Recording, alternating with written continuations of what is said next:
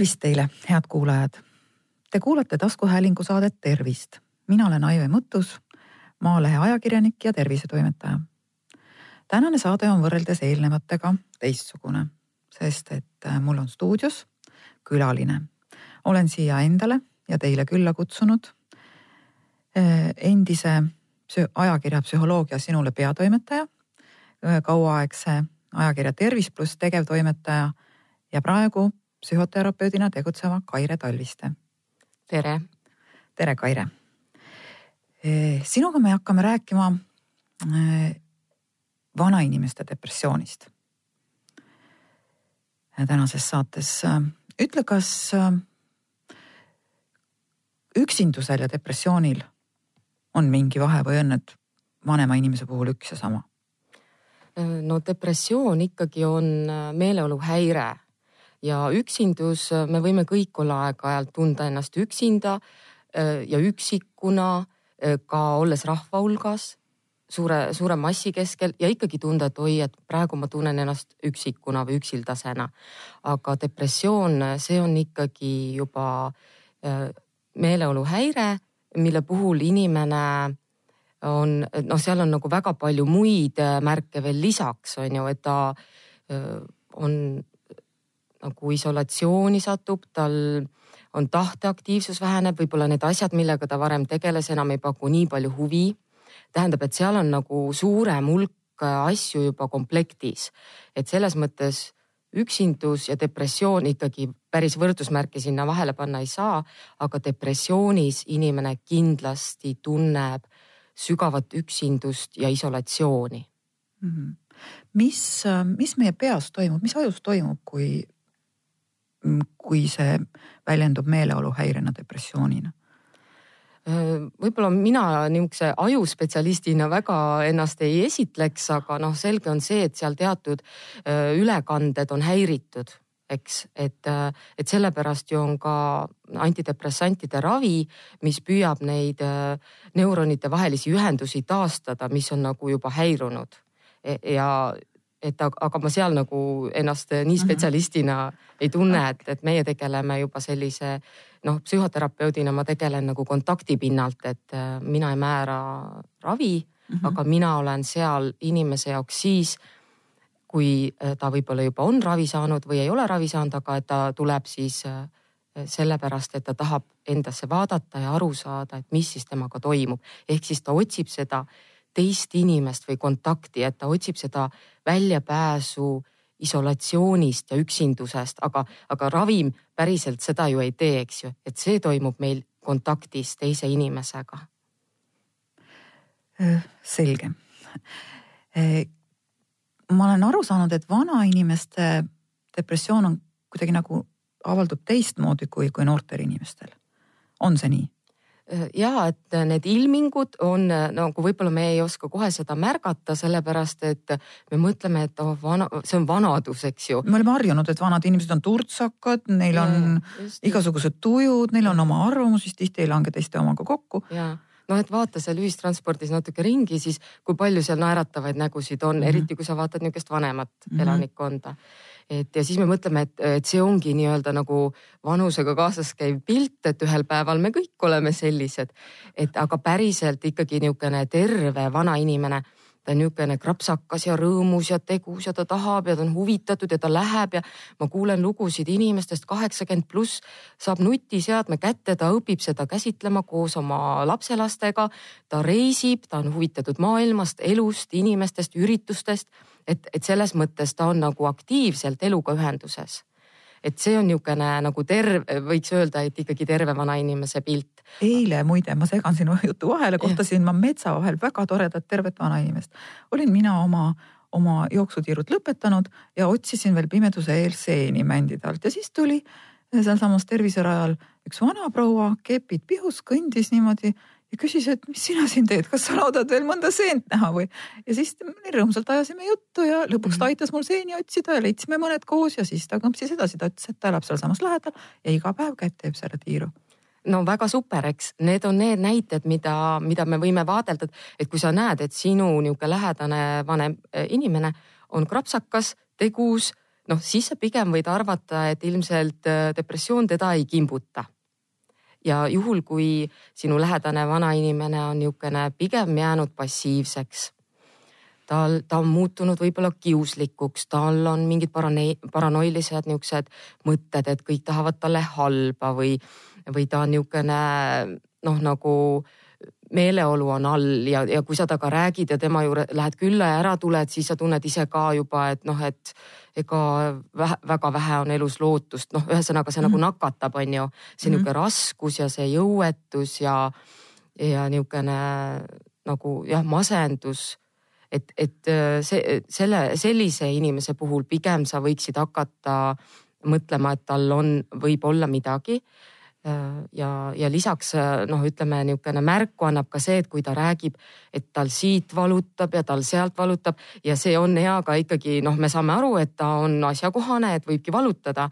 aga kui nüüd inimene on käinud ka arstil mitu korda ja kurtnud ja rääkinud ja midagi ei leita, jälle annab see põhjust mõelda, et siin on ikkagi mingi muu põhjus all. et, et millele see viitab, eks ole, et, et hakata mõtlema mõtlema, mis seda vanainimest häirib, et miks, miks, mida ta otsib, on ju.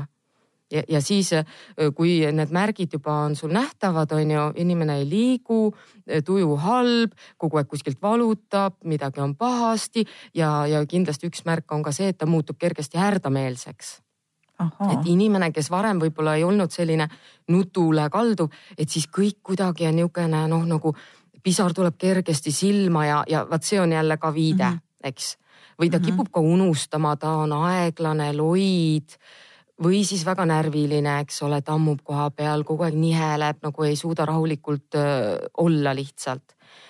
et niisuguseid märke panna tähele. kas siis, kui need märgid või mõned neist esinevad, peaks siis võtma vanainimesel piltlikult öeldes tutist kinni ja ta arsti juurde viima?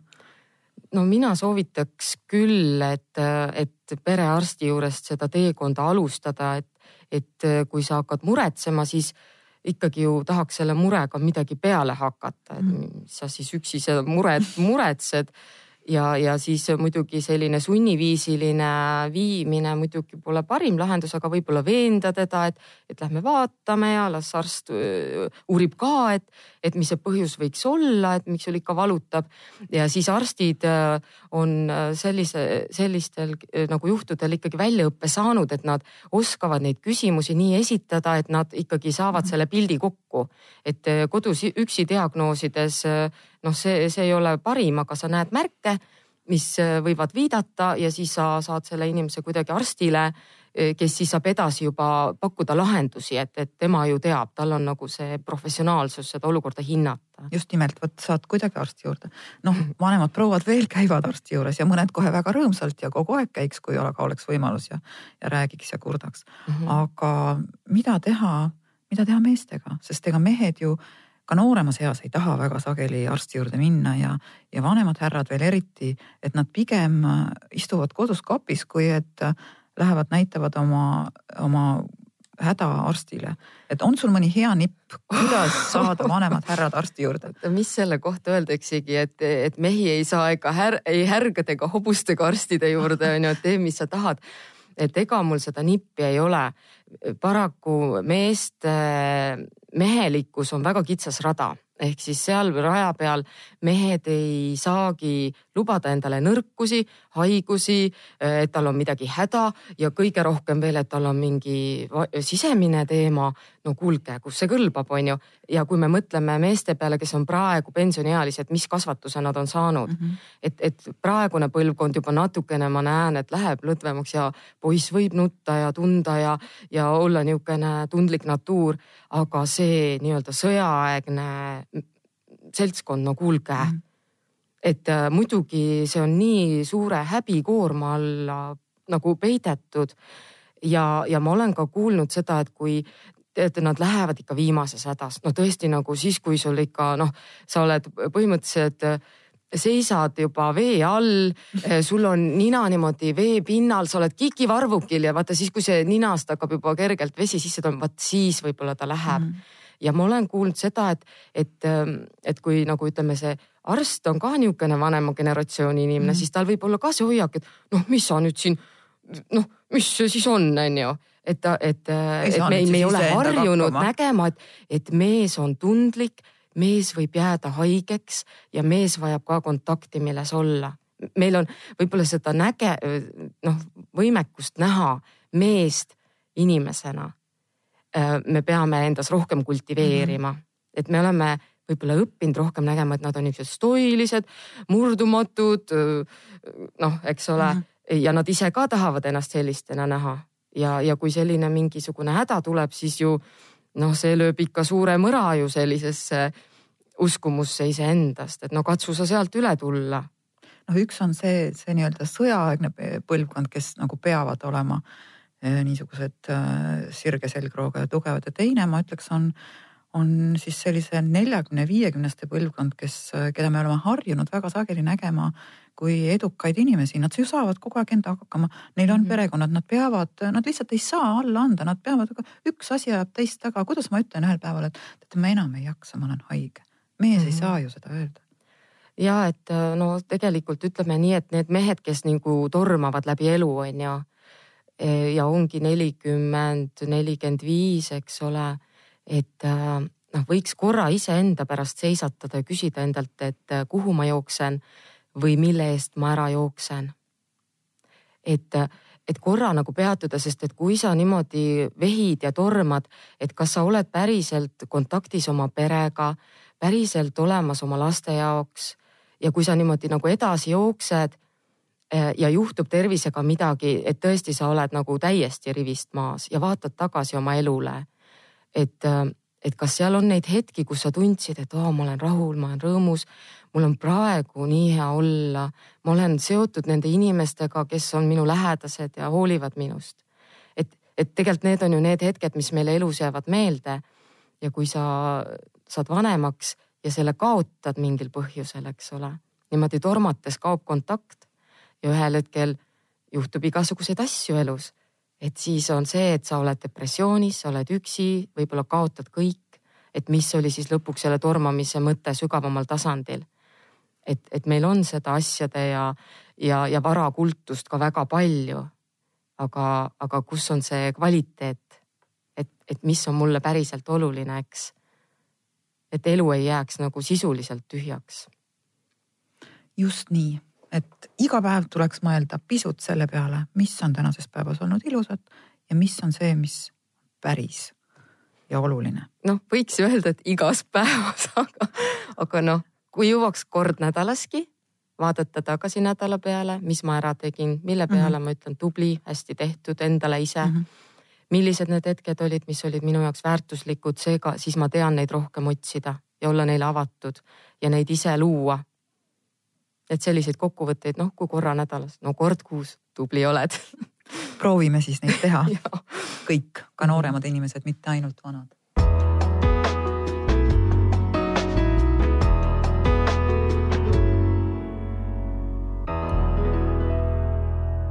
aga nüüd äh, depressiooni juurde tagasi ja just siis äh, küpsete eakate inimeste depressiooni juurde. et ähm, kui nüüd see inimene jõuab sinu juurde. kuidas ta üldse sinu juurde jõuab, psühholoogi töötund on nii kallis, et ennem tuleb rahakott puuga selga võtta, kui üldse tulema hakata või? no eks, eks on erinevaid äh, instantse ja asutusi, et, et ilmselt saab Haigekassa toel ka äh, psühholoogide vastuvõtule. seal võib olla väga pikk järjekord. Äh, et, et jõuda sinna ja noh, tõepoolest, eh, eks ole, psühhoterapeudi tund on kallis. Eh, aga inimese elu on ka kallis, eks ju, et kui me mõtleme sellele, et eh, juba kolm aastat ravimata depressioon, tähelepanemata depressioon võib viia ainult selle süvenemiseni, see ei kao ise mitte kuhugi. ja, ja see päädib sellega, et, et inimene tunneb veel sügavamat mõttetuse ja, ja lootusetuse tunnet et ta vajub ikka täitsa rappa ära ja, ja on neid, kes otsustavad oma elu lõpetada. et, et see on isegi nii, et ta nagu vajub väga sügavale ära, siis lähedased märkavad, et oi-oi-oi, midagi tõsist on mm. lahti. ta saadakse võib-olla ravile, ta saab oma antidepressandid, ta saab, tegelikult ta saabki sealt nii palju energiat tagasi, et oma mõtted teoks teha et see on nagu see, see on ohukoht teinekord, et sügavas depressioonis inimene, ta ei suuda enam midagi teha mm. -hmm. et siis tegelikult ikkagi peaks käsikäis käima siis medikamentoosne ravi ja psühhoteraapia. mina siis olen väga seda meelt, ma olen seda väga meelt, sest see rohi ju, ta muudab sul ajukeemiat, aga see see, mida me inimestena vajame üldse, et, et ma hakkaks mõtestama seda, mis siis on mind viinud siia sellesse olukorda. kuidas, kuidas sellest siis äh, välja tulla, kuidas olla kontaktis, kuidas jõuda nagu oma lähe, lähikondseteni, kuidas taastada suhteid. et kui me vaatame, Jaapanis on ju väga palju neid niisuguseid äh, üle saja aastaseid inimesi mm -hmm. uuritud ka, et kuidas see neil on õnnestunud. vaatad neid videosid, tead õnnelikud, rahulolevad ja mis on nagu nende võti, mis mina olen mm -hmm. märganud, on ka see, et et nad on sotsiaalselt hästi sidusad inimesed, nad käivad koos, nad räägivad, nad teevad asju koos, nad võimlevad koos, nad töötavad. tegelikult nad, see nende kasulikkus ja mhm. vajalikkus ühiskonnas säilib, aga meie vanainimestega on see, et töötad pensionini ära, klõps. see aeg lõpeb, aga kus ja siis tekib väga lihtsalt visatakse üle parda. ja et kes inimesed. sa siis oled, mis on su vajalikkus, kuhu sa kuulud. E-, et need sotsiaalsed äh, kontaktid mm -hmm. äkki on, on kadunud ja sinu vajalikkus või sinu mõte kaob ka.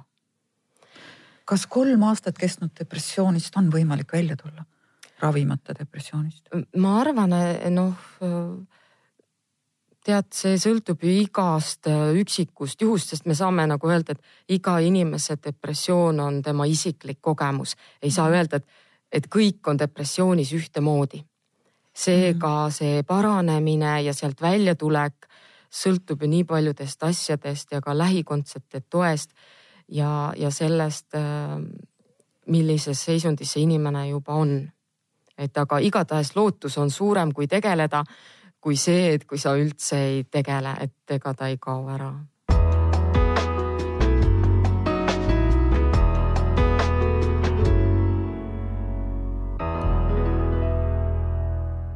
nüüd, äh, mida lähedased saavad teha, kas sellest on abi, et, äh, et võtame vanainimesel käe alt kinni ja ütleme nii, nüüd lähme tantsuõhtule, lükka naeratus näole ja ole lõbus. Nojah, et äh, seda lähe, lähikondsed üritavad teha, eriti kui see eakas muutub niisuguseks noh, nagu meile meeldib öelda vinguvaks mm. -hmm. miski ei sobi, kõik on pahasti, eks ju. ja siis äh, seda on lähikondsetel väga raske taluda. ja siis me tahamegi nii-öelda teha ruttu üks, kaks, kolm ja noh mm -hmm., kuule, astu see samm ja teine samm ja näed, siin on nagu kümme punkti, tee need mm -hmm. ära, siis ongi kõik korras et äh, sellepärast me neid asju nagu üritame nendega, et, et me, meil on raske näha seda seisundit. ja see ei toimi, eriti mida sügavamale see inimene vajub, see äh, kujundlikult öeldes on see inimene nagu soos, ta vajub nagu sohu. Ja kui keegi talle ütleb sellel hetkel, et hüppa nüüd välja sealt naeratus ette ja tantsima, äh, siis tegelikult, et mõtle ise, kui sa üritad soos hüpata, mis juhtub vajud sügavamale. sa vajud veel sügavamale ja sa näed, et teistel on ootus sulle, et sa peaksid kuidagi olema teisiti. sa ise ei suuda, sa ei saa võib-olla ka aru, mis see on. et, et siis see, see pigem võib mõjuda pärssivalt. ja siis teisalt mõjub see lähedastele, neil on ju mhm. ootus, no kuule, ma pakun sulle üht-teist ja kolmandat. ja, kui sa ja näed, et ta ei võta vedu siis sul tekib ka see, et ah tühja, ma ei taha ta juurde enam minna. ma ei taha temaga suhelda. et äh, ongi mõttetu, et, et ja noh, jälle see on see koht, kus hakkame märkama seda, et depressioon on nagu nakkus, on ju. Mhm. ta on nagu nii selles halluses ja raskuses ja see hakkab sulle külge. noh mm -hmm ja sa tunned ise, et sa hakkad mõtlema juba samamoodi ja sul on paha olla ja juba sa ei taha minna, eks ju. või siis vältima just nimelt, et ja, ma ei taha, ma ei taha seda nakkust külge, ma ei lähe. ja sa ei taha ju olla kogu aeg, ujuda selles negatiivsuses mm, -hmm. eks ole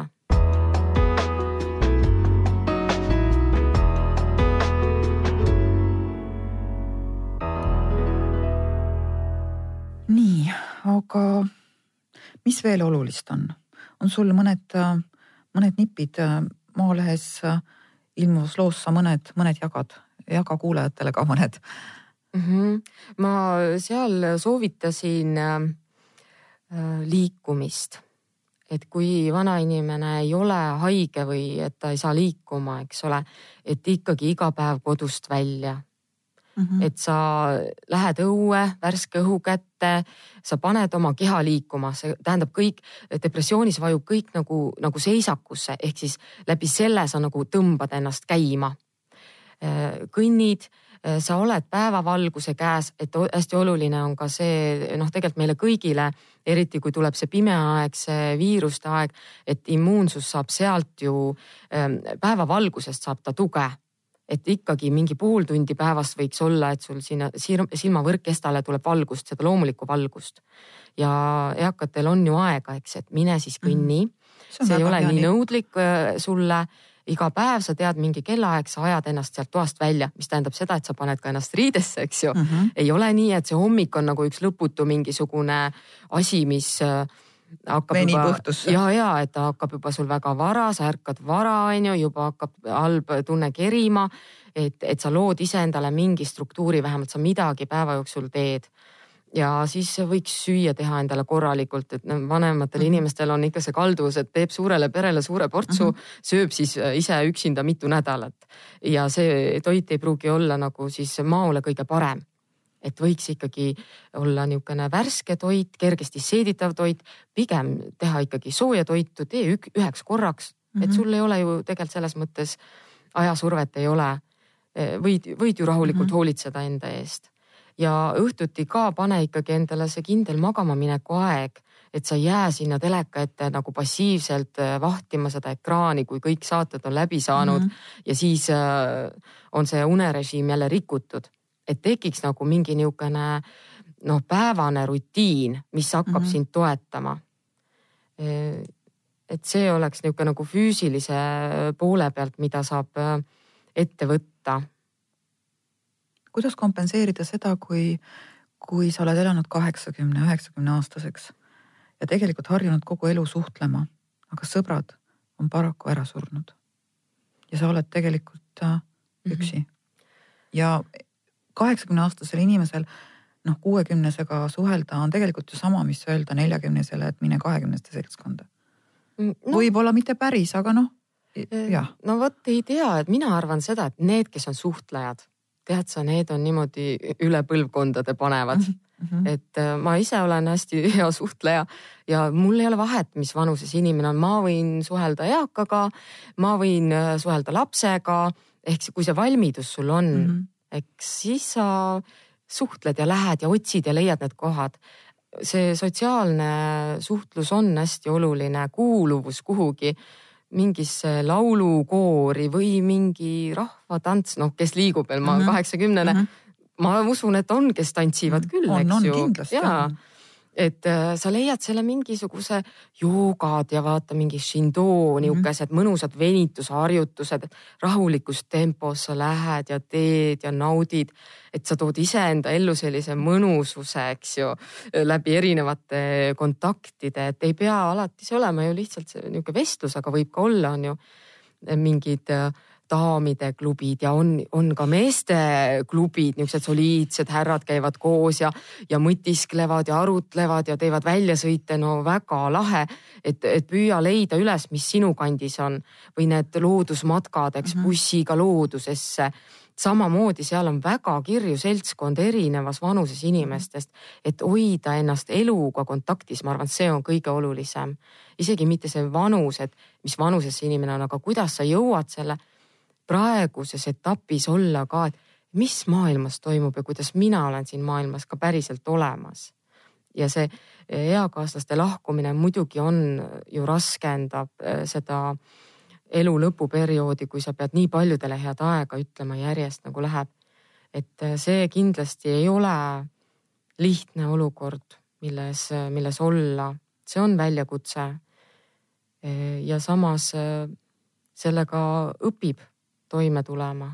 noh, ilmselt, ilmselt peaks inimene ka õppima endale elu jooksul ütlema, et surm on elu loomulik osa ja keegi meist ei ole ilmasambaks jäänud, et yeah., et me kõik paraku sureme, aga noh, seda sõltuvalt meie kultuuriruumist mõnedel inimestel on väga raske tunnistada, et, et me kõik yeah. sureme. tahaks nagu elada igavesti ja vist jälle mingi ütlus selline, et äh, kõige rohkem äh, on mures äh, nagu surma pärast ja ka selle küsimuse ümber mõtisklevad kõige noh, et kas on elu pärast surma mm. -hmm. just need inimesed, kes ei taipa elada seda elu, mis on praegu. et, et tegelikult elame ikkagi praegu ja need, kes tõeliselt elavad e-, ennast läbi erinevate äh, nurkade, et tal on olnud tööelu, tal on olnud armuelu, tal on olnud noh, et ta on nagu käinud oma elus läbi erinevaid kohti, et ta on tundnud, ta on elanud.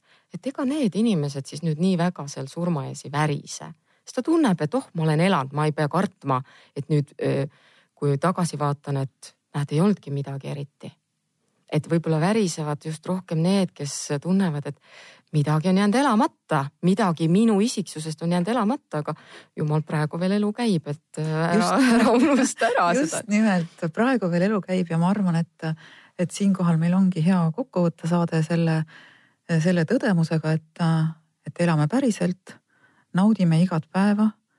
ka siis, kui tundub, et asjad hakkavad vussi minema ja meeleolu läheb halvaks, siis on abi olemas ja mm -hmm. seda abi siis kas hakkame ise otsima või, või märkavad meie lähedased, et, et meile oleks vaja abi leida. täna oli meil saates äh, psühhoterapeut Kaire Talviste, tänan sind tulemast. Te kuulasite taskuhäälingu saadet äh, Tervist. Äh, teie tagasisidet ja kirju teemade kohta, mida te tahaksite, et saates käsitletaks, ootan ma e-posti aadressil tervist.maaleht.ee minu nimi on Aive Mõttus, olen Maalehe ajakirjanik ja tervisetoimetaja. tervist teile